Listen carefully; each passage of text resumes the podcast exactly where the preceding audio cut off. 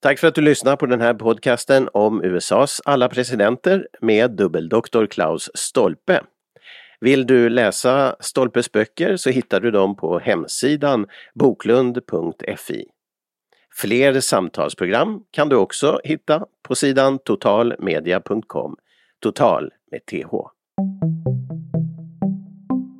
Ladies and gentlemen, our national anthem.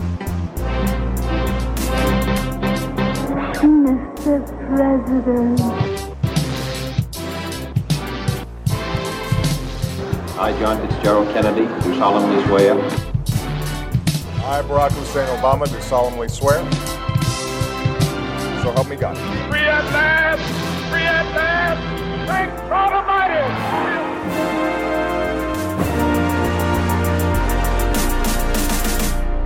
Ja, välkommen till den här podcasten som kallas Mr President. Det här är podcasten där vi diskuterar presidenterna i USA. Alla från början till slut så vitt vi vet, så långt vi hinner, eh, så långt vi kan komma. Det är ju 46 presidenter som nu finns i pipen och vi har kommit till nummer 6 idag eh, och det är alltså John Quincy Adams. Men först av allt så ska vi presentera våran expert och eh, samtalspartner, nämligen Klaus Stolpe. Välkommen som vanligt med Tack, tack, tackar och kanske man ska för ordningen skulle säga någonting kort om vem du är sådär minikort. I, ja, Ja, alltså jag jobbar som universitetslektor vid Åbo Akademi i Finland och uppe, uppe i Vasa, inte i Åbo som sagt. Och eh, jag har ju då, jag är ju doktor i statskunskap gällande presidentvalsmetoder men i det här fallet är det mer intressant att jag är doktor också i historia på en avhandling om USAs presidenter. Och eh, ja, that's about it. Men jag kan ju nämna ännu att du nämnde här att, att, att det är 46 presidenter. Men för att korrigera dig så är det ju faktiskt bara 45 även om Joe Biden räknas som nummer 46 för att det är ju en kille som har blivit vald två gånger för att ha varit borta emellan så att eh, men honom får vi återkomma till kanske Eh, Grover Cleveland så räknas ju som både nummer 22 och nummer 24 faktiskt. Så det är Aj, lite, intressant. det är lite kuriosa. Ja, men det är ju fullt av sådana här kuriosa grejer i den här eh, presidentgenomgången vi har. Spännande både liksom valstatistik eh, och eh, olika intriger och just det här med en som har då valts två gånger och har två presidentnummer. Men dessutom det här med att man kan bli vald när ens far har varit president eller ens farfar. Det är ju det som vi står inför idag, nämligen det har hänt två gånger och den första gången var med just John Quincy Adams. och vi känner ju igen John Adams, det är alltså pappa nummer två president. Och det, det är liksom så här, när, sen hände ju det då 2000 när, när Bush den yngre blir vald och alltså är son. Eh, en son då. Men det här är ju liksom lite dynastikänsla och jag menar det är det som också, vi kommer till det, men det kommer att dyka upp lite så här. Vi pratade ju förr om det där med, med någon slags elected majesty och sådana här grejer och det, är, det- är det lämpligt liksom att, att en son blir vald eller har det ingen betydelse? Är det, visar det någon slags eh, snå, litenhet i den här världen? Eller vad säger du? Nej, jag vet inte. Alltså, har ju stött på den där problematiken förr, men jag menar om det Alltså i någon, fotbo- i någon släkt är man intresserad av fotboll och någon annan av politik och det är ungefär som om man ska förbjuda Glenn Hyséns son att bli fotbollsproffs eller något, något liknande. Att det är ganska, kanske ganska naturligt för att man, man får vissa saker med sig från barndomen helt enkelt. Mm. Det behöver naturligtvis inte vara så men att det, jag tror inte att det är något man ska vara att man ska vara förvånad över att i vissa familjer så, så, så är det liksom mer, mer vanligt med, med politiken i andra. Det ser man ju också på lokalplanet. Det kan Mm. hoppa över en generation och så kommer sonsonen och blir, blir intresserad av det som farfar höll på med medan mellangenerationen var totalt ointresserad. Så att det är väl jag, tror, jag tror det är ganska mänskligt det där egentligen. Mm. Nej men det blir, det blir ju lite känslan av det här arv, arv och lite karriärpolitik och lite sånt som man ibland kan reagera lite negativt på just att det är inte utifrån att det är en frisk, eh, ja men det kan ju vara en jätteduktig person och eh, så här i och för sig men, men just att, att det finns de där baksidorna med det, att det, det är någon slags makt egentligen, maktfamilj eh, eller någonting sånt. Jo visst, men att så, som sagt var att det, jag tror väl att det finns en helt liksom, mänsklig och naturlig förklaring till, till, i det hela. Att det, Ja, det är ja. vanligare att eh, barn till akademiker väljer en akademisk bana eller någonting sånt. Det, det, är, liksom det, det är inget stort eh, i, i det frukost, eller ouppnåeligt vid det frukostbordet att man liksom kan Mm. disputera eller nå- nå- någonting sånt. Eller, eller liksom som jag tog, tog det exemplet med, med fotboll eller konst, kultur av olika slag. Så att det är väl, vissa Mm. saker får man med sig helt enkelt. Ja, precis. Ja. Och, och, och, men men det, det, ja, så det aktualiserar liksom vilken miljö man växer upp i. Och John Quincy Adams, den vi ska prata om idag, då, sjätte presidenten, den, han är född alltså eh, 1767 så att han är ju 30 år yngre än, än Washington, eh, drygt 30 år yngre än Washington och, och, och sin far då. Och eh, jag menar, vad är det för en uppväxt han har och hur mycket är han med då? Det är bara drygt 10 år till självständigheten så han är ju ung men han har ju varit med i början ändå. Eftersom hans far var aktiv och sen president så var han ju in, inne i det här sammanhanget väldigt mycket, eller hur? Jo, säkert, säkert. Han har ju inte kunnat undgå det där att det skulle vara annat för någon liksom bondpojke som har bott på en farm långt borta från stridslinjen under frihetskriget mot, mot britterna eller vad vi vill ta för, Mm. för exempel. Så där har vi igen det där att han har ju fått det med kallar det modersmjölken eller vilka klichéer vi vill tala om men att han har ju varit, Mm. vad blir det, nio, nio år då, då självständighetsförklaringen har gått igenom och sen har han varit Sen har han varit ja, 14, 15, 16 års åldern då de här striden, striderna mot britterna tar slut och USA Mm. liksom fra, framstår som det självständiga landet så att han har ju ändå varit ett, han har ju ändå förstås varit ett barn eller en ton, to, ti- tidiga tonåren så att han har ju följt med utan, haft, utan att nu ha kunnat ha den här väldigt aktiva rollen som hans företrädare har haft och han, han Mm. representerar ju också på det viset en, en ny tid för att eh, redan med sådana gamla, via gamla porträtt och så, så vidare så han, han har ju en annan liksom klädsel, eh, Mm. helt annan habitus eller vad vi vill kalla det än vad, än vad hans företrädare att det ännu, ännu James Monroe som var president före honom så hade ju liksom han är avbildad med någon sån här peruker och, och byxor som slutar vid knäna och, och, och någon sån här som jag kallar George Washington-hatt, alltså en sån här trekantshatt och, eh, Mm. och det här, han, eh, så att rent kläd, klädselmässigt så, så avviker ju Adams från det här gamla mönstret och framstår som en, en ny generation, även om han ju inte är väldigt mycket yngre än vad, än vad den här Monroe var, men, men i alla fall att det är så Mm. tillräckligt mycket för att han ska skippa peru- peruken och ha, ha liksom långbyxor istället för kortbyxor och så vidare. Det kan man ju då tycka att, att, det, att det är ovidkommande naturligtvis, men att det säger ju ändå någonting om att man är på kanske, ja vad ska jag säga, på väg in i en ny, ny era eller något, något, något sånt att han, han, han hör ju inte till the founding fathers inte. A son, a son of a founding father, men, men, men, men den, den, Ja, ja, att det är ju faktiskt ett väldigt tydligt generationsskifte. Han klär sig annorlunda, han är son till president nummer två, en av founding fathers. Det blir väldigt tydligt generationsskifte, men jag tycker också man ska nämna det, att, eller, eller fråga det att när han växer upp, som vi pratade om nyss, så är i alla fall enligt den här tv-serien John Adams som vi har pratat om tidigare. Så det verkar ju som de bor, alltså eh, John Adams själv då den gamle presidenten, han är ju borta och fixar med sen, eh, olika politiska grejer i, i Pennsylvania eller vad det är. Men, men familjen är ju hemma och det verkar ju som under kriget att den där vägen utanför deras hus är i princip där hela kriget rör sig, i alla fall i filmen, tv-serien. Ja, det, det, det, kanske gör sig bättre på film, jag har inte kollat den detaljen, men att det, det skulle vara lite tråkigt om, om... Jag kan ta en jämförelse, det var, det var... Du minns ju, eller det är klart att du minns, men att det här... Eller, men, det finns en sån här tv-serie precis. från Sverige som heter Hem till byn. Och det kom ju någon uppföljning på det och så var det för, härom, för, för något år sedan så kom det någon förfrågan att skulle man inte kunna göra en säsong till och, och svaret var att, att det är väl inte så himla kul om de gör en tv-serie av de sitter och fyller i EU-blanketter.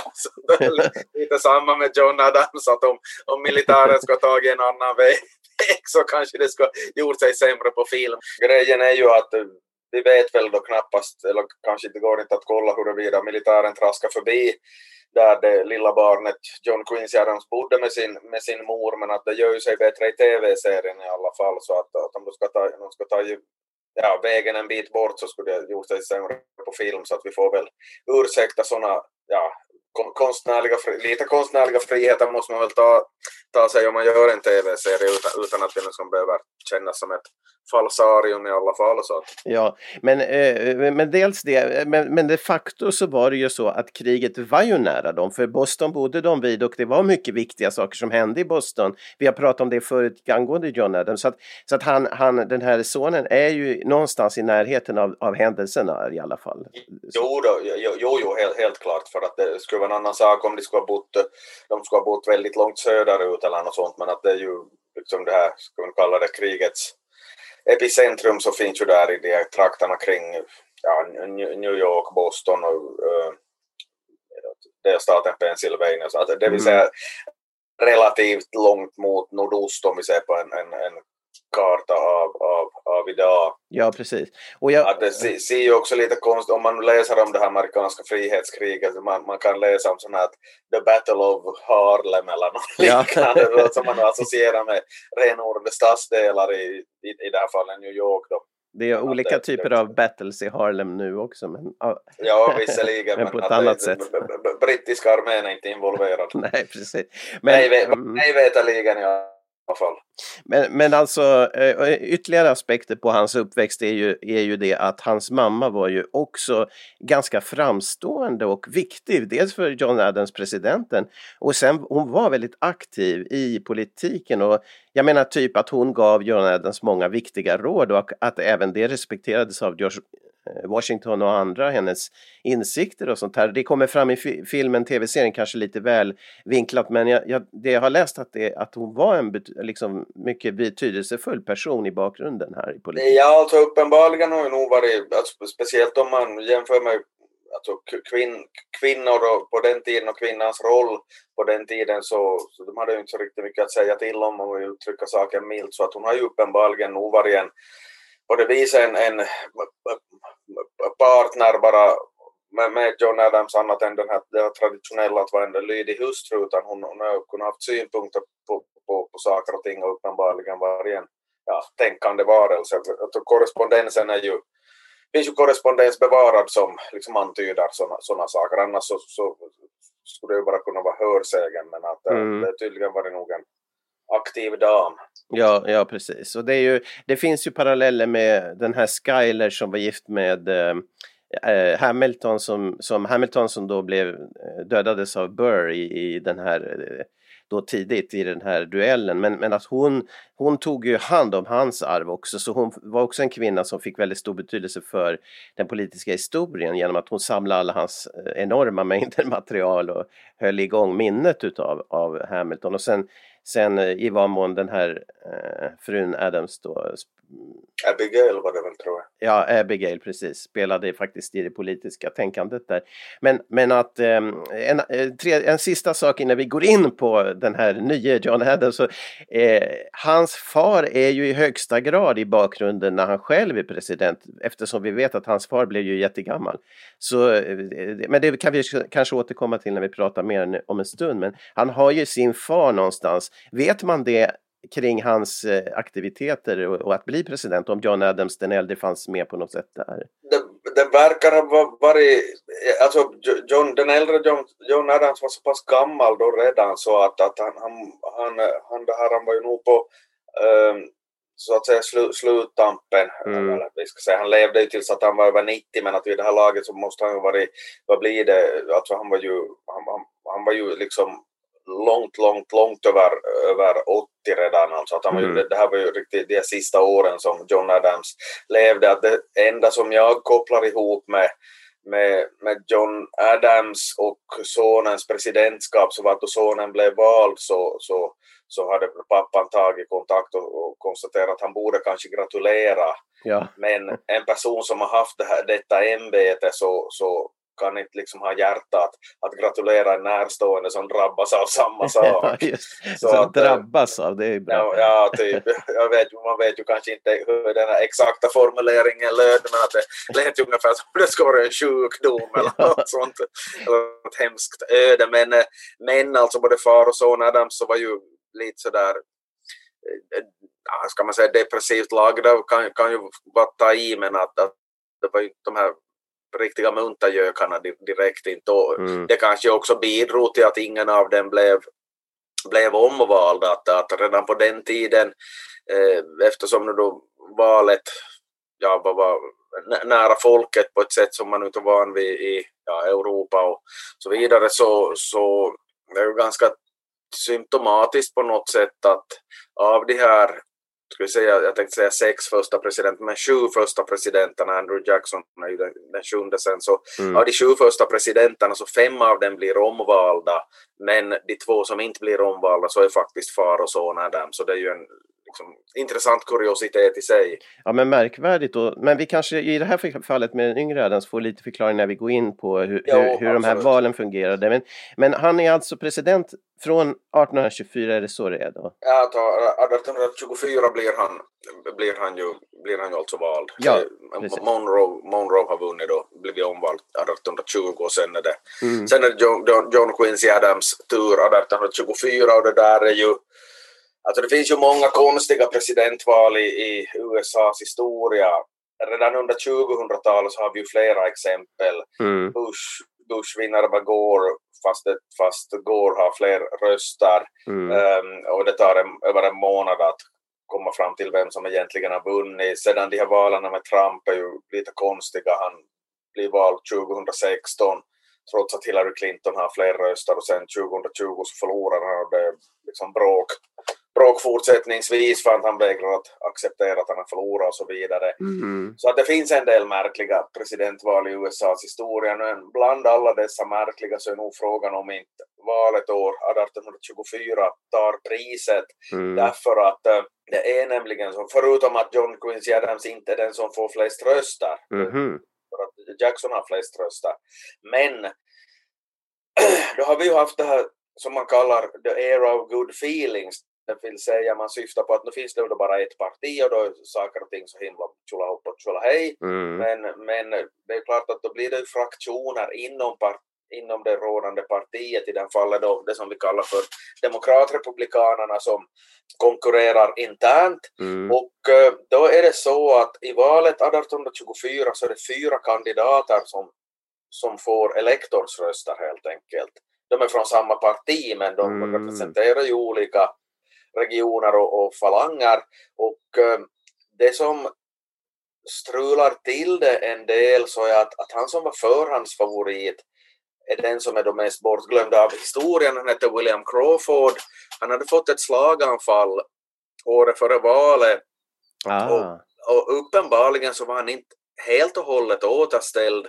Eller så upplevdes det i alla fall så att även om han hade då stöd av två tidigare presidenter var det Jefferson och Monroe, eller vänta som Jefferson och Madison kanske det var förresten. Så att det var ju då andra som såg sin chans mm. och där, däribland då, eh, alltså uppe i norr eller nordost, New England-område, där var liksom federalisterna tidigare hade varit starka så där nominerar man John Quincy Adams. Ah, Han hade ju varit fe federalist från början, likt sin far helt enkelt. Mm. Men, att, men det partiet hade ju då dött bort som vi har kunnat konstatera i tidigare avsnitt. Mm mera mot det här, ska vi kalla det Virginia och South Carolina och ditåt, mer sådär, jag ska väl kalla vilda västern, men mera vildmarksaktiga områden så har vi då Andrew Jackson som är en ja, populist, är väl, alltså det är, det är liksom bara först, först, första bokstaven det. Men och sedan så en fjärde så är Henry Clay och det, han var representanthusets talman, men som vi kommer att se längre fram i den här serien så han var ju aktuell för presidentposten flera gånger ytterligare. Mm. Nåväl, man går till val och Jackson får flest röster, han har ungefär 40 procent, John Quincy Adams har 30 Aha. och det här Crawford och Clay så har ungefär lika många. Clay har något fler, men det intressanta är att Crawford får lite fler elektorsröster. Och nu har man ju då Ah. eh, gjort så att, att eh, grundlagen har justerats. Från första början var det stipulerat att representanthuset ska välja mellan de fem som har flest elektorsröster, givet att ingen får en Mm. majoritet. Och, men att det där hade ändrats då till tre, så det betyder att den här, den här Henry Clay falla bort. Och det, var ju inte, och, och, och det där är väldigt intressant för att, att om, om Clay skulle ha gått vidare så vet fåglarna hur det skulle ha gått. Uh, för det är ju klart att Mm. han sitter ju som spindeln i nätet sen då han är talman för representanthuset och han jag vet Mhm. inte om han tyckte att John Quincy Adams var en jättebra kille, men det som han definitivt tyckte så var att, att Jackson var en farlig galning helt enkelt. Så att, att han var ju, att, Aj, det- aj. så att han använde ju sitt inflytande för att se till så att, ja helt enkelt att stoppa Jackson från att bli vald och då var ju Adams den häst som det lönades att satsa på för att det skulle ha varit svårare att så att säga maskinera fram Crawford till den där posten. Och eh, Mm. så att i, i slutändan, då är det ju så att, för att nu nörda till det lite, men att det är ju så att i då, då, då en sån här grej, eller om en sån här grej ska avgöras av representanthuset, så har varje delstat en röst vardera. Alltså, och då, Mm. Jag menar en stor delstat har en röst och en liten delstat har, har en röst. Och det slutar ju med att att eh, tre delstater där Jackson har haft flest röster i det där egentliga valet så, så stöder, stöder ändå John Quincy Adams. Så de tre delstaterna så stöder ändå eh, Adams i slutändan så att han vinner ju med en knapp, knapp majoritet till slut för att, men att de hamnar, hamnar ju att Mm. det blir ju ett dödläge så att de hamnar ju att rösta. Jag kommer inte exakt ihåg hur många röstningsomgångar men att det räckte inte med en gång för att man hade inte något sådant system att den som fle- minst antalet delstater bakom sig faller bort eller något sånt utan man röstar och röstar och röstar.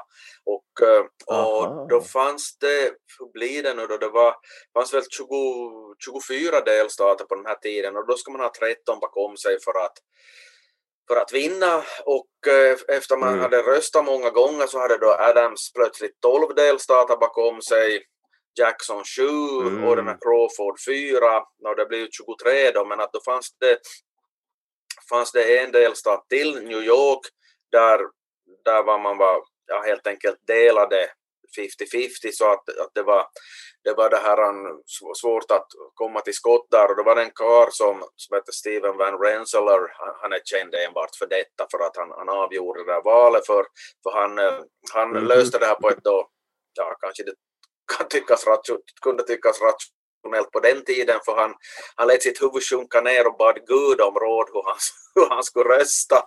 Sitter jag, sitter jag och skrattar där. Men alltså, då han tittade upp så råkade han se en, en, en lapp liggande framför sig där det stod Adams och det där såg han som ett tecken från Gud då att, att han skulle rösta på Adams så att, så att han röstade på honom. Nu, nu vill jag und, Mm. understryka eh, eftersom ju Adams i det där fallet hade en, en, eh, ändå en fördel mot för att han, han hade ju som sagt då 12, 12 delstater bakom sig mot 7 för Jackson och 4 för Crawford så att det kan ju bra hända att, att Adams sen skulle ha fått någon av de där Crawfords Crawfords eh, ja, Mm. delstaterna bakom sig så att jag, jag påstår alltså inte att det var den här Rensselaer som liksom gjorde så att Jackson inte blev vald men att det var, det var i alla fall i det där avgörande, det där avgörande skedet så, så, så, liksom, så var det så, på så vis som storyn gick helt enkelt. Nå, nå, Mm. Det här så lugnar ju inte ner stämningarna utan tvärtom för att eh, de, de som de som äh, understödde Jackson så hade ju alltså tagit för givet att, att, äh, att den här valet i representanthuset skulle vara en ren formalitet, att det var de här delstaternas plikt att ge, sin, ge sitt stöd åt den som hade fått flest röster. Det var som man såg på det, Mm. men det fanns ju ingen, det fanns ju liksom ingen kutym för hur man skulle göra för att det, den situationen var ju, var ju liksom ny helt enkelt. Så att, att de, de blev ju helt Ja. överrumplade och sedan då så så blir sen då Adams tillträder presidentposten så utser han den här Henry Clay till, till sin utrikesminister och då blir det ju ännu värre konflikter för Mm. att man, man, ser, man upplever det där som ett bevis på att, att någonting skumt har, har skett, det vill säga att Adams har lovat den där posten åt Henry Clay att om du hjälper mig att bli president så, så får du bli utrikesminister. Det- är ju fullt Mm. möjligt att det stämmer men, men min uppfattning är väl att den där Clay så, så hade, Henry Clay så hade ändå sådana starka dubier kring Jackson att han skulle ha oberoende om han skulle ha blivit lovad någon, någon trevlig post så skulle han ha försökt lägga krokben för honom i, i, i alla fall. Men att det där så, så blir ju det där sätter ju sen sin prägel på hela Adams presidentskap därför att han får väldigt många emot sig för att han, man, många upplever att, att det är liksom skumraskaffärer som ligger, ligger bakom så att han, han har ju, han blir ju den här han är ju en hopplös situation i termer av att försöka bli någon sån här hela folkets president eller något sånt.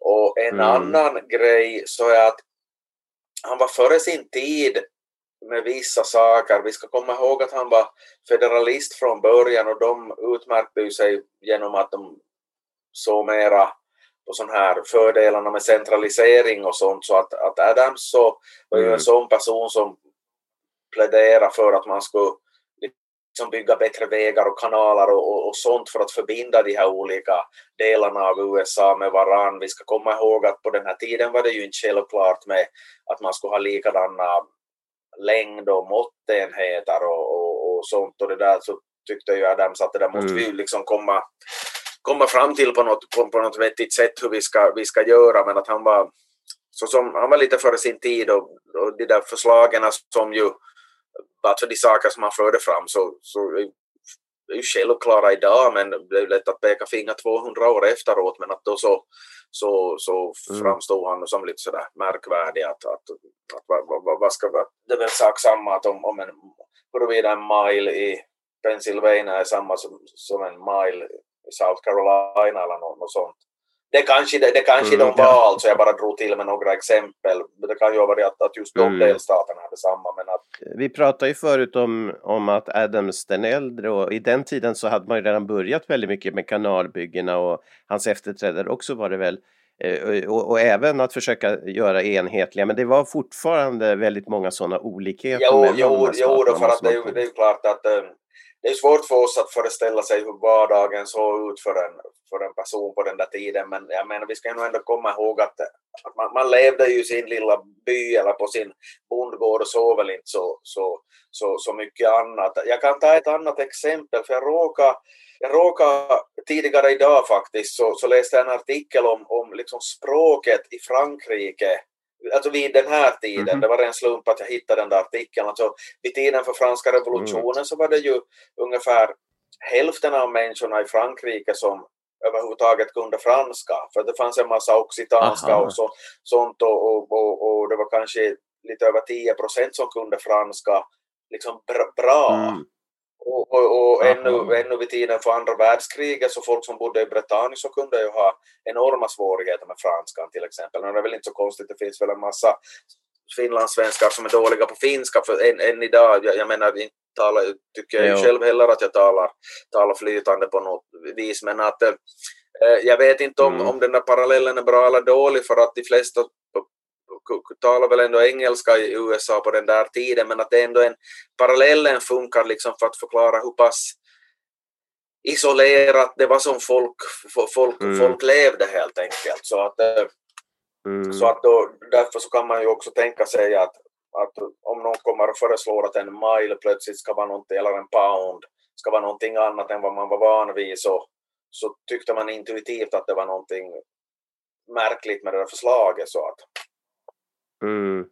Vi, vi har ju sett en spänning mellan det federalistiska och det provinsiella så att säga i det här enskilda staternas egna Eh, och, och, just det här mellan vad frihet är. Frihet är att, att man liksom lokalt får ha det som man vill eller ja. att man måste anpassa sig till, till alla andra i någon, och, och, och någon stat och det här. Hela den spänningen lever vi ju kvar i även nu och det är ju en grundläggande grej liksom i, i allt det här när vi har EU och, och hur det var på den tiden. Och det, det är rätt fascinerande. Men då är man ju som du säger mer isolerad också så att man, man kan inte omfatta den här gemenskapen på lika självklart sätt som vi kan idag i globalitetens värld. Liksom. Jo, jo, för att nu får vi ju ändå de där impulserna vare sig vi vill eller inte mm. om man nu är på några so sociala medier eller, eller om man tittar på tv-nyheterna och sånt så får man ju ändå ett, ett hum om vad som händer i grannbyn eller i ett annat land eller något, mm. något sånt. Men att i USA har ju det där varit och är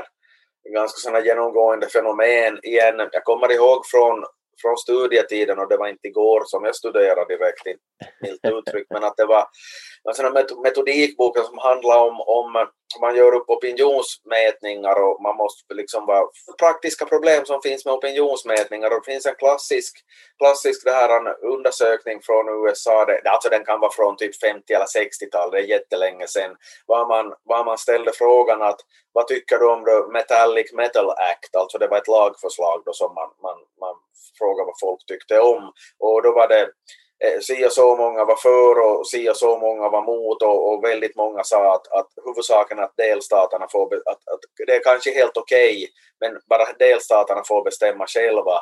Och då är en liten detalj att, att det var ju alltså en, en det var ju som fake news eller vi ska, det, det fanns inget sånt lagförslag, man bara hittade på någonting. okay. och, och, och dessutom var man ganska noga med att, att välja ett namn på den där lagen, Metallic Metal Act, som inte påminde om någonting annat som skulle vara aktuellt så att, det, liksom, mm. att, att folk skulle tänka, att folk svarar intuitivt att det är helt okej, okay, bara delstaterna får bestämma själva. Det är ju ett, men att det är ett sånt sta, standardsvar som man, som, man, som man lätt ger i USA. Mm, ja, intressant.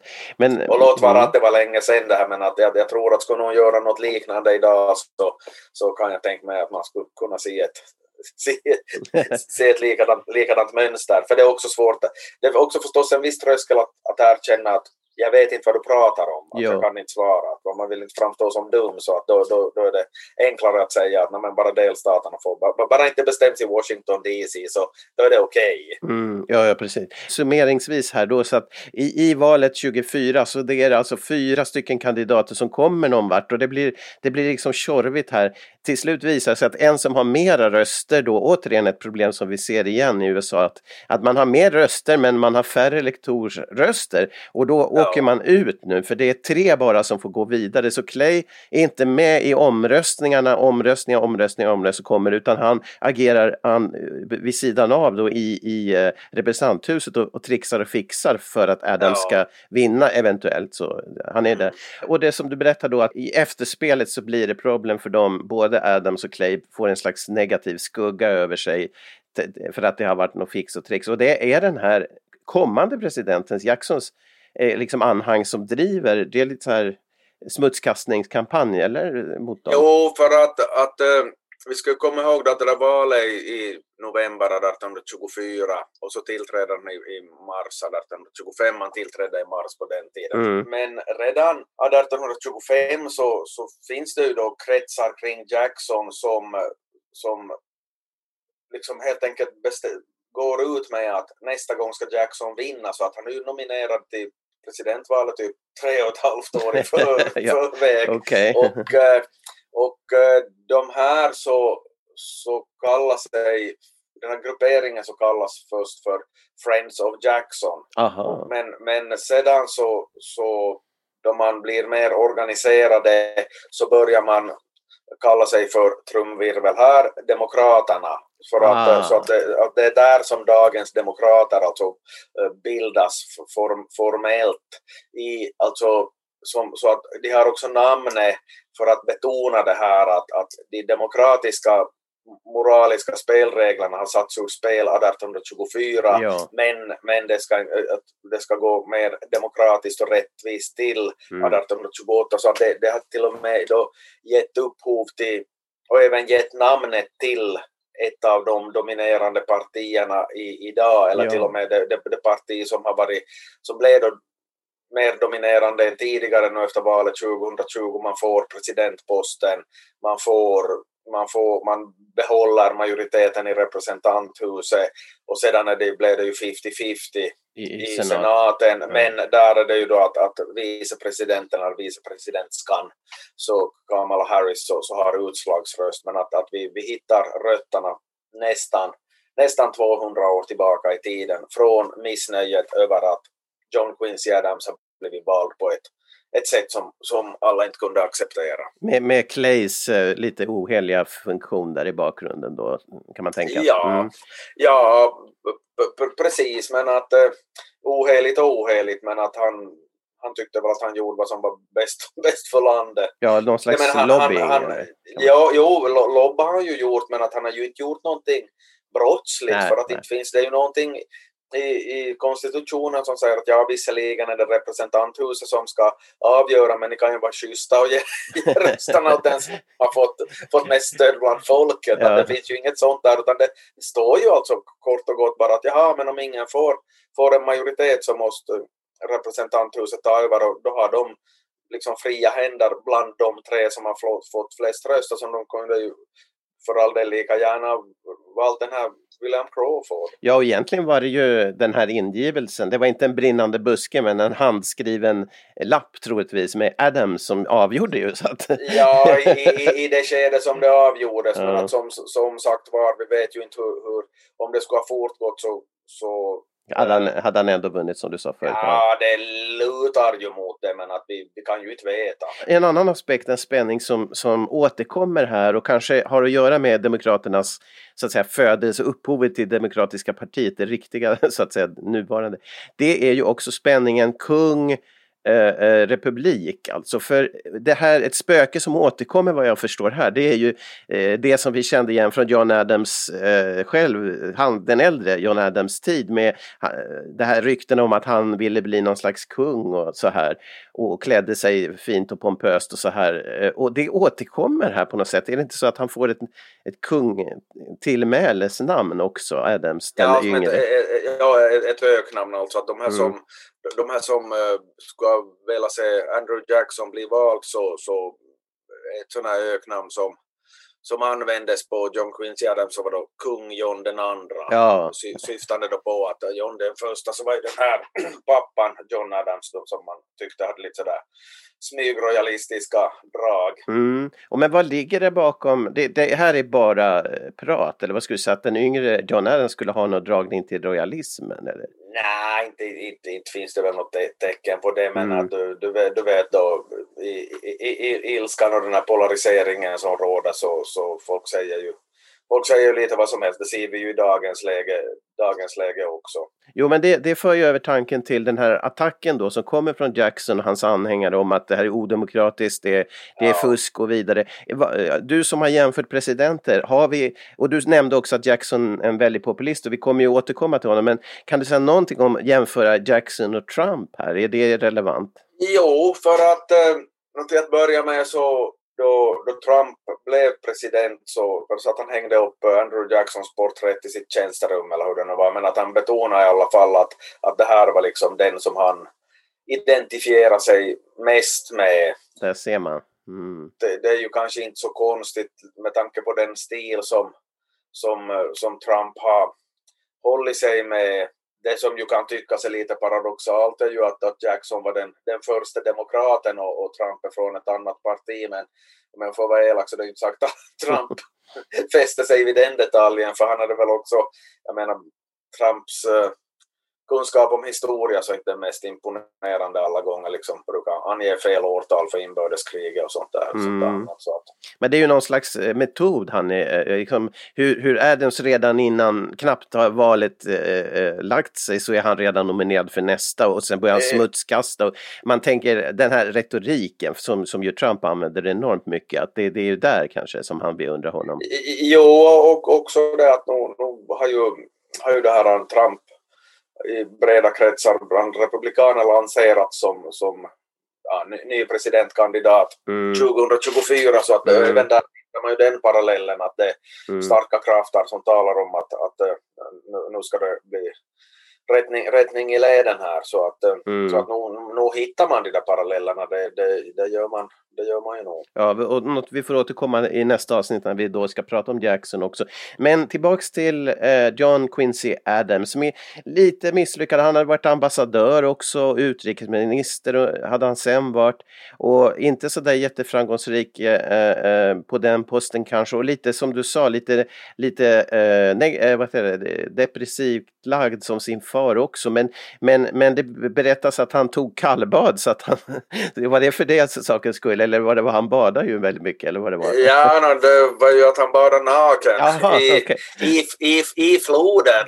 Eh, eh, det här, alltså den här Potomac-floden som flyter Mm. genom Washington DC så, så han hade för vana att hålla på med nakenbad där. Ja, så. Eh, Jag vet inte om man skulle föreslå det åt Joe Biden, om han skulle tycka om den idén, men att det skulle vä- väcka viss uppståndelse. Men jag tycker att redan då, då på den tiden, okej det bodde ju inte så mycket människor i, i, i Washington DC så att det var lite mer diskret och Mm. inga tv-kameror av, av lätt insedda skäl, men att det, Mm. det finns en del, jag menar inte vet man ju hur ofta han har badat naken där, men att det finns ju eller som så mycket annat vi snackar om här så det är ju liksom skrönor och anekdoter och en del saker så stämmer och an, andra stämmer inte kanske.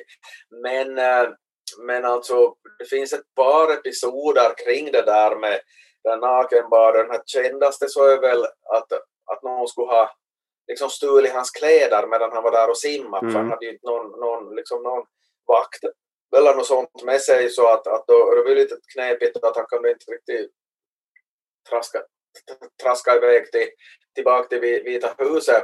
Nej. Men, eh, men utan det var någon förbipasserande pojke som han fick som kalla till sig då och ropa att hej att du grabben att springer du, springer du till Vita huset och hämta lite, jag, jag, är president, jag är president by the way, att, Mm. att kan du fara och hämta lite mer kläder åt mig. Ja.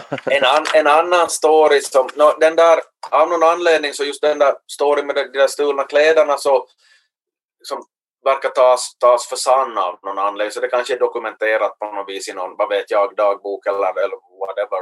Men att eh, det finns en annan story som, som det då är färre personer som tror på, och det är det att, eh, alltså, till saken här att John Quincy Adams så var den första presidenten som blev intervjuad av en kvinnlig reporter. Mhm. Men, men det där så har då jord snickrats ihop så att, att den här, hon heter Anne Royal, det har nog kanske inte så stor betydelse men jag råkar nog bara komma ihåg det där namnet. Den här Anne Royal så, eh, så hade då vid upprepade tillfällen försökt få till stånd en intervju eh, men eh, men han hade vägrat, jag vet inte var, varför de han tyckte, hon var ganska sådär hon, hon var lagd åt sådana skandalreportage så att det, det kan Mm. hända att det inte nödvändigtvis var för att hon var kvinna som han hade liksom ha- avböjt men då ska hon då enligt, enligt skrönan ha, ha känt till hans nakenbad och, och liksom skugga honom och, och, gått, och gått ner till floden och helt enkelt satt, satt sig på hans ovanpå hans kläder Mm. och sagt att hon stiger inte upp och går därifrån innan, innan han gett en intervju så han fick liksom stå, stå, i, stå med vattnet i midjan och ge en intervju med på något vis. det, det är liksom sådär att, att ja, Det var utpressning. Men, eh, ja, eller utpressning men att never check up on a good story helt enkelt för att vi kan ju jag tilltalas av tanken att det skulle stämma men att det verkar som att det, det finns inget vidare belägg för det. Men om, om, om, eh, på tal om nakenbarn så tänker jag att om, om det var Jackson eller Trump som hade haft, varit utsatt för den där stölden av kläderna, då hade de säkert lyckats hitta på kejsarens nya kläder innan H.C. Andersen. Nå, inte Trump, men Jackson. De var väl lagda åt det hållet att påstå att jag har kläder på mig, så går man hem till Vita huset naken. Ja, det, det ligger, väl, ligger väl nära till hands. Ja, intressant, men, men eh, han, eh, hur, går det då i omvalet, eh, eller omvalet i nästa val 2008 då? Eh, det- Nej, alltså han, han, han förlorar med bullar och brak helt enkelt. Mm. Så då blir ju, blir, ju, blir ju Jackson enkelt, enkelt vald helt enkelt. Mm, Så att, eh, så att så tillvida är ju Jackson intressant för att han, han blir, Jackson blir ju sedan omvald. Jackson får flest röster tre val i rad. mm, Och det, är ju, det är ju inte speciellt vanligt eftersom de flesta bara har blivit, jag menar Roosevelt så vann, Franklin D. Roosevelt vann fyra gånger men i övrigt så, så har ju ingen, ingen suttit mer än två perioder. mm, Men, eh, men då Jackson får flest röster tre val i rad men då blir vald två gånger. mm, Samma gäller ju den här som jag nämnde, Grover Cleveland som, som har två presidentnummer för han får ju också flest röster tre val i rad men han blir vald 1884 han förlorar 1888 trots att han har fler röster bland, bland folket men han Ah. termer av elektorsröster så förlorar han och sen 1892 så blir han, blir han vald, vald på nytt så att, eh, mm. så att eh, mycket, my- mycket sådana här ja, historiska fun facts här. Eh, du nämnde någonting om, om de här andra posterna som den här John Quincy Adams har haft Mm. och, eh, och det är väl kanske främst som president som han inte lyckades sådär särdeles bra för att eh, Mm. han hade ju varit utrikesminister äh, tidigare åt, åt Monroe och då, då hade han ju då bland annat äh, myntat den här så Monroe-doktrinen som vi var inne på tidigare, att, att det var visserligen James Monroe som, som sa det där med att mm. den här utfästelsen att de europeiska stormakterna har ingenting i nya världen att göra, men att det var, ska man vara petnoga så var det John Quincy Adams som hade skrivit det där ah. talet. Just det. Och uh, en annan grej så, så är ju att uh, om vi går ännu mera tillbaka i tiden så under det här Mr Madisons War som, som vi var inne på i samband med James Madison, alltså då, då man hamnade in i ett krig mot britterna som kunde sluta väldigt, väldigt, väldigt dåligt. Mm. Så, så den här freden då i Gent i dagens Belgien, det fanns inget som hette Belgien på den tiden mig veterligen, Mm. men att eh, år 1814 så då var, det ju, då var det ju alltså den här John Quincy Adams som hade varit och förhandlat fram den där, den där freden, att han var i Europa då och liksom fixa, fixa till det. Mm. Ska vi nog fortsätta med kuriositeter kring det så, så en kort tid efter att freden, fredsavtalet var klart så stod det här slaget vid New Orleans där Andrew Jackson vinner sensationellt över de brittiska styrkor. Men det slaget så, så stod, alltså då, då var freden redan undertecknad men det visste man ju inte om därför att nyheterna färdades ju långsamt på den tiden. Ja, så det, är det. är lite speciellt att Andrew Jackson blir folkhjälte för att han vinner ett slag efter att kriget formellt sett är, är slut. Men, men eh, han, han, eh, så att han var ganska lyckad som utrikesminister. Han var ganska lyckad ute i Europa och, och olika aktiviteter och, och de här påhitten som du berättar om. Och att han skrev eh, egentligen eh, Monroe-doktrinen också. Men han, dessutom var han i Finland, eller hur? Eh, jo, eh, det var, då han var väldigt, väldigt, väldigt ung så, så var han i, i Europa och då skulle han han det här, han, eller väldigt ung men, men rätt ung, det var väl i, skulle det nog ha varit i, det måste ha varit, alltså det var ju före 1808 och 9 års krig för att det var medan, medan Finland ännu hörde till Sverige. Jaha. Så, så då, då hade han varit i Sankt Petersburg och så skulle han åka till Haag i, i det här Holland då för att, att träffa sin, sammanstråla med sin far. Och då hade han åkt via, via Finland och, och Sverige på vägen till, till, till Holland helt enkelt. Så att, Oj. du är förstås mer, mer intresserad av att han har rört sig i Sverige och jag är mer intresserad av att han har rört sig i Finland. Men det får vi, jag vet får, vi, inte. får, vi, får, vi väl, får vi väl bjuda på. Så Ja. Men men vet man något om, alltså, han är privatresande då? Det är inte någon uppgift eller vad ska jag säga? Nej, inte var det väl formellt någon. Mm. Men, men han har ju också idkat studier på olika håll i, i Europa Ja, som det. ung. Och jag undrar om han inte hade varit, det här borde jag förstås kolla upp och inte sitta och säga en podd, men att han hade väl också i det avseendet rört sig i, i, i Sverige, om det nu då var liksom Uppsala eller Lund eller var, var det var Mm. kommer. Men att, att, så att han, han har nog en viss, viss koppling hit, vilket ju är rätt fantastiskt med tanke på att på den tiden så jag menar, jag just berättat att folk knappt rör sig utanför sin hemby och den, den här som rört sig i, i olika länder. Men det är, igen kommer vi in på det där att, att eh, är du från en viss familj så får du andra impulser och möjligheter helt enkelt. Och därför ska vi inte heller vara förvånade att någon, någon sedan blir, blir det här eh, president då pappa har varit det och det behöver inte liksom vara något, något fel.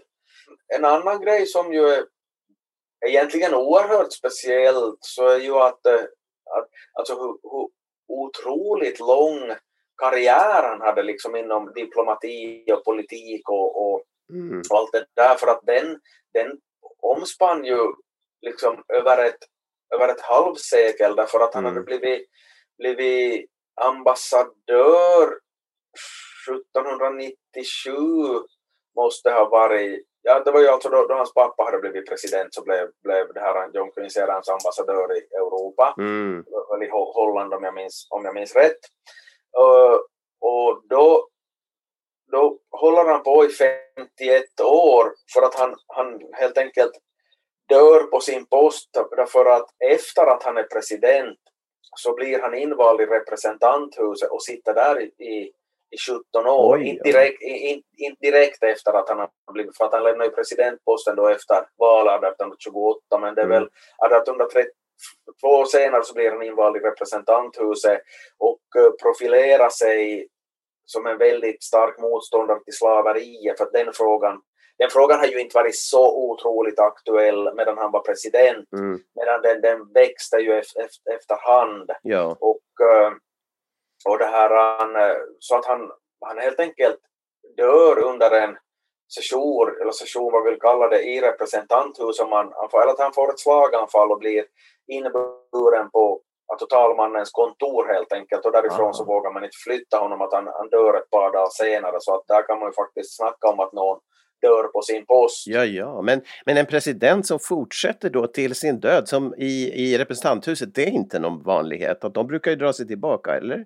Jo, jo, alltså han är ju den enda som, han är ju den enda som har gjort det. Mm. Att, eh, att om vi, om vi det här avseende med, med och klart, vi, vi kan ju ha presidenter som typ Jimmy Carter som är väldigt aktiv som fredsmäklare efter att han har varit president Mm. och så vidare. Men att om vi ser på formella poster, liksom inrikespolitiskt eller vad vi vill kalla det så, så kan man nämna då John Quincy Adams som är den enda som har suttit i representanthuset efter att han har varit president. Vi har Andrew Johnson, alltså Lincolns efterträdare, som sitter i senaten efter att han har varit president. Mm. Och sen har vi William Howard Taft som eh, helt enkelt tar befäl över, över högsta domstolen. Aj, okej, vad intressant. Men, men, att ju, som, men för att nu repetera, John Quincy Adams är den enda som har suttit i, representanthuset. Mm.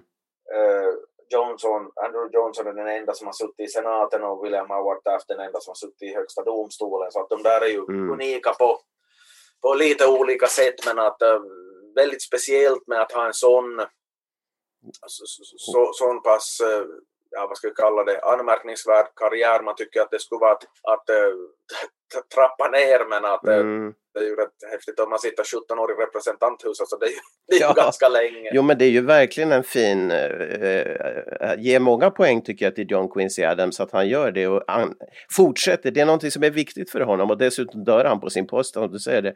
det, det är, men, men vad har han för poäng eller vad har han för, för omdöme överlag som president och i, i ditt sätt att se det? Skulle. Ja, no, det gick ju, alltså, han hade ju svårt att få saker och ting uträttade just i och med att han hade, Mm. motståndet mot honom var så kompakt Ja. från början efter att, där- efter att han hade blivit vald på det sätt som han blev vald. Mm. Och sedan det här med att, att han säkert hade rätt i det här med att det vettigast om en, om en mile lika lång i, i New England som nere i staterna men att det var inte någonting sånt som, han var kanske lite före sin tid med vissa saker så att det var, det var inga lätta år han hade på presidentposten så att, ja men inte ställde han ju till en massa skandaler heller, det är inte det frågan om men Mm. att, men, men att eh, han framstår ju som en lite ble- blek figur i, i det här presidentsammanhanget. Att, att, eh, han definitivt inte de här liksom stora men att Mm. inte heller ställt till med, med, med något så att han Stora problem. Lite, nej precis, att han kanske blir mer i den där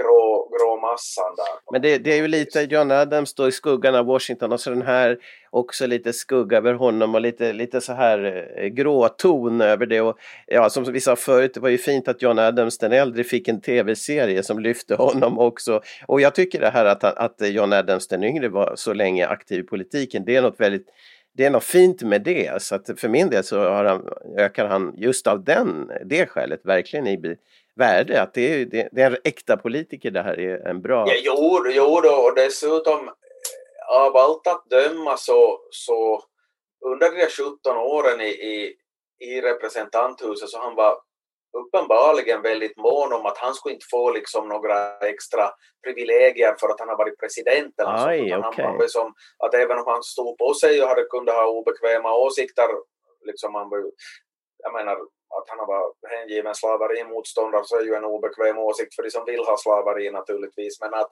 att det var inte så, det var, det, ty, tydligen så har det aldrig varit något att, att hörde du gubbe lilla jag har varit president så jag kan det här. Att alltså, Mm. han, han, han, han, drog aldrig till med det trumfkortet efter vad det verkar. Så, så Mm. att, eh, men vilket ju kan vara en styrka i sig också att det kan, kan ju i princip öka ens värdighet att man framstår som en, som en rejäl typ så att det kan ju indirekt kan det ju ändå vara ett vapen att man att man gör så som han gjorde men att, att intressant är det ju i alla fall. Ja, verkligen. Att, att verkligen. jag menar, nu tror jag ju att om, om vi nu säger att, eh, vad ska vi dra till med, vi säger att Barack Obama är, skulle plötsligt bli invald i representanthuset eller senaten Mm. eller högsta domstolen så fokus skulle ju hamna på honom, liksom vare sig han skulle liksom Ja, idag, säga eh, att, att precis. ba, by the way, vet ni om att jag varit president? Ja, Det liksom- Det blir ju att han skulle- jättestarkt. Ja. Ja, men, men, men så att i, i dagens läge så skulle det ju inte gå att, att liksom undvika den där situationen. Barack Obama som dessutom har varit eh, eh,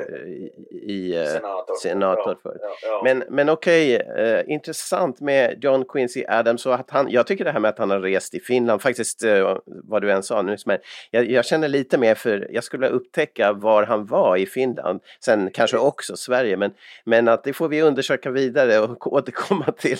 Eh, om, han kanske har åkt förbi här, Kuni också, jag vet inte. Nej, no, kanske, han- kanske han har varit i Vasa eller Kone. Nej, vi, vi, vi kan väl ge, av någon anledning så gissar jag väl på Åbo men att, Ja, ja, jo, det, det är ett ganska, det är ett ganska rim, rimligt antagande för, Ja. för, för Helsingfors var ju bara liksom några byar på den tiden. Ja. Det var Först, först efter att, att Finland började höra till, höra till, till, till, till Ryssland som Helsingfors blev huvudstad. Det var ju, Ja. det var ju ett antal...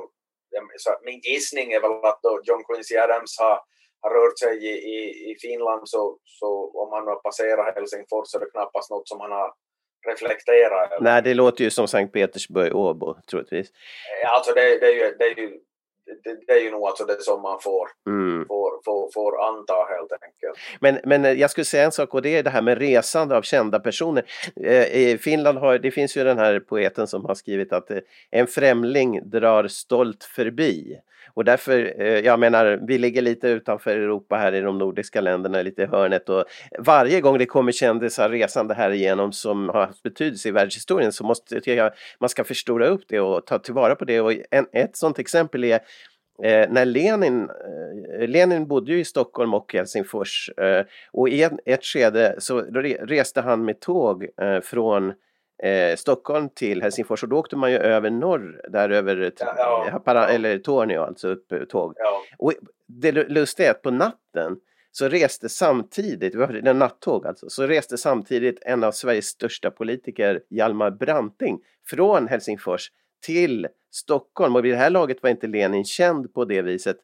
Eh, Men någonstans mitt i natten där i, norr, i gränstrakterna mellan Sverige och Finland så möttes de här två tågen med Hjalmar Branting och eh, ja, Lenin. Ja, ja, ja, okej. Så det, och det, det är så här löjlig grej som man måste förstora upp för att eh, öka betydelsen av våra länders Ja, ja, ja det, det, det, där, det där med Branting är inte, det med Lenin känner jag ju till i och med att det fick ju en så pass stor ja, betydelse för världshistorien helt enkelt att, de, att, att, att, han, ja, att man åkte med, alltså i smyg med, med det plomberade tåget för att Mm. att, nu är det ju USAs presidenter vi talar om, men att det där är ju en, en fascinerande story i sig i och med att, att det var ju tyskarna som, som hjälpte honom tillbaka till, till, till, hjälpte Lenin tillbaka till, till Ryssland för att helt enkelt stä- ställa till lite bråk där. Därför Mm. att Tyskland och Ryssland var i krig med varandra. Det var ju under, under första världskriget så låg ju i tyskarnas intresse att, att Lenin skulle återvända till, till, till Ryssland så de, de, det var ju de som fix, fixade dit honom. Sen så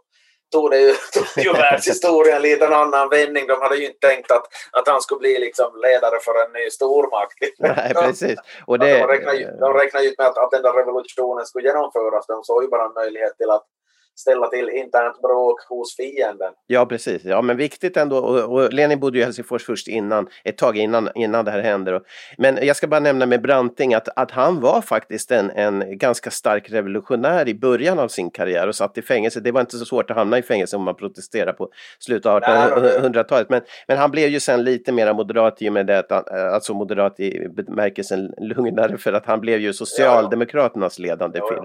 Men, men i, i unga år var han faktiskt eh, ganska eh, aggressiv då i, i dessa Jo, filmer. om jag får avbryta här så jag sitter och har en, en, en bok om Hjalmar Branting framför Ja. ögonen. Den är rätt intressant för att den är, den är skriven av, av den där Franzén som har skrivit barnböcker om den där detektiven Agaton Sachs. Nej, vad kul. Så det, det, det, är ju rätt, rätt, rätt speciellt att, att en sån person har skrivit, skrivit, skrivit, skrivit liksom allt från barndeckare till en, till en bok om, om om Branting, Nils-Olof Franzén heter den där karln och dessutom mm. så ser jag en annan bok här av honom i hyllan för tillfället som heter Undan stormen med underrubriken Sverige under första världskriget och mm. den boken så är mycket allmän den är, den, är, den är jättebra kommer jag ihåg. Det är, det är ju åratal sedan jag läste den mm. men att den, var, den är faktiskt bra så att vi kommer, vi kommer, vi kommer med lite boktips här. Ja, jag tror han var på Sveriges Radio eller något sånt där. Men eh, Franzén eventuellt. Jag tror, jag, jag, jag tror det gör det du säger. Det. Någon chef där. Men, men i alla fall, eh, Lenin, Ryssland, vi kommer liksom bort från presidenter i USA. Men, men en sak som kan föra oss tillbaka det var, jag, var eh, att, att sen, eh, jag menar i en längre fram när vi kommer dit så är ju den stora andra makten blir ju Sovjet och, mot USA. Och i det här läget när vi nu rör oss i, i 1800-talet då är det ju det här med Frankrike, England, den där triangeln som är viktig i världs, eh, i, i, för USA just. Och hur mycket kopplingar till, till Frankrike som jag tycker har varit en upptäckt nu när vi har gått genom de här sex första presidenterna. Att, att banden till Frankrike är så starka och det är egentligen inget konstigt. Dels är det ju en revolt mot England och Frankrike var ju motståndare ofta mot England. Men sen ja, är det också det här frihetsrörelsen på den i det här hela världshistoriska eh, perioden det är ju Frankrike med den här friheten, med revolutionen och hur viktigt det är. Det är liksom hela det tänkandet kopplas till Frankrike, eh, en republik blir till och en, en, en England är kvar som kungadöme. Så det, det, är väl inte så konstigt men det, det, det, går ju ihop hela det här att, att Frankrike och USA har ett särskilt släktband, dock inte språket men... men nej, nej, nej. Nej, och det, där, det är onekligen intressant och där märker man ju också att, eh, nu vill jag inte, alltså jag vill verkligen inte låta som någon besserwisser här, men att om man diskuterar USAs tidiga historia med, med, med någon som är alltså liksom hyfsat insatt så den där, den där biten så, mm. så känner de inte till egentligen. Att det är nog någonting som missas i historieböckerna. Och jag undrar om inte amerikanerna är rätt långt skyldiga där, nu mm. går jag på spekulation här, men att det liksom ska glorifieras det här med amerikanska och sånt, då, den där storyn, mm. den amerikanska sagan så blir ju lite mer ädel ifall man har, har liksom tagit sig an britterna ensamma och mot alla odds vinner i alla fall. Att, mm. att det tar bort lite av glansen om man säger att ja, by the way, vi hade ju en av, en av den tidens stormakter på vår sida, ja. vilket kanske, kanske lite, lite grann kunde tänkas un, underlätta. Ja, precis. Och sen är det språket och sen som sagt då att, att, att Ryssland, Sovjet blir ju en så stor motkraft. Så att, så att det blir liksom, Frankrike hamnar i, lite undan, men det kommer vi att följa mer utav. Nu ska vi avrunda det här avsnittet som tog sina spännande utflykter, helt okej okay, tycker jag, bra och roligt. Men eh, John Quincy Adams, alltså sjätte presidenten, och vi står inför den sjunde i nästa avsnitt och det är denne eh, eldfängde Andrew Jackson som vi då alltså redan har mött en del. Men du säger då att Demokratiska partiet bildas typ av dem. Men är det så då att den reaktionen under Andrew Jackson direkt leder till att det också bildas det vi idag känner som, som Republikanerna? Eller? Uh, nej, egentligen inte för att, att uh, de här som sen de som inte tycker om Jackson, så de kallar sig först för National Republicans. Aha. Men att de byter sen namn eller skepnad, eller vi kallar det till Whigs. Och det är då ett parti som finns under några årtionden. De vinner enbart i två presidentval, men bägge de presidenterna dör. Så att vicepresidenten, de vinner 1840 och 1848, men att de kommer att ha fyra presidenter totalt.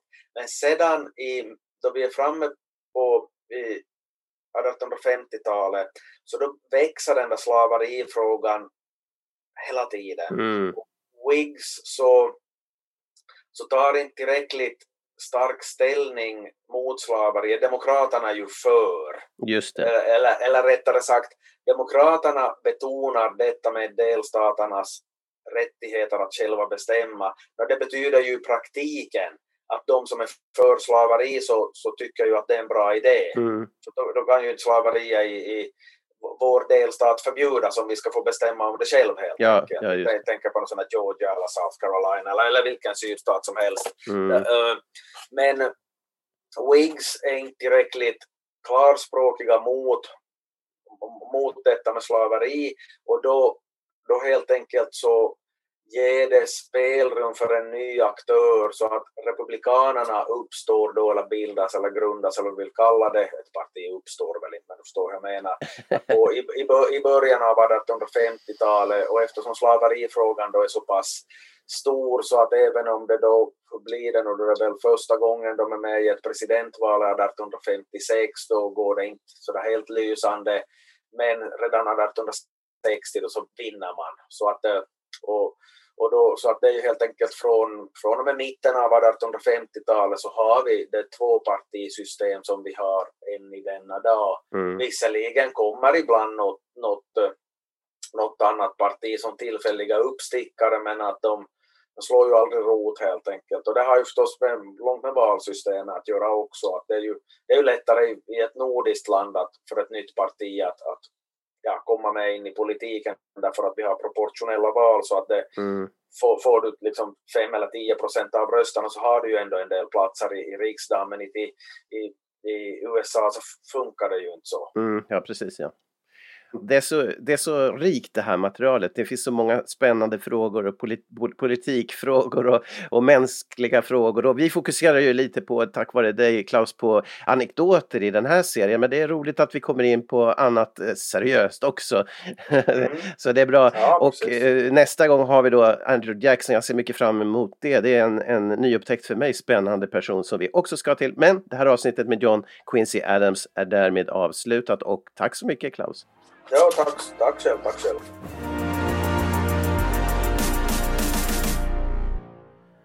Du har lyssnat på podcasten Mr President och du kan hitta fler avsnitt och andra samtalsprogram på sidan totalmedia.com. Vill du läsa Klaus Stolpes böcker om USA och presidenter så hittar du dem på sidan boklund.fi.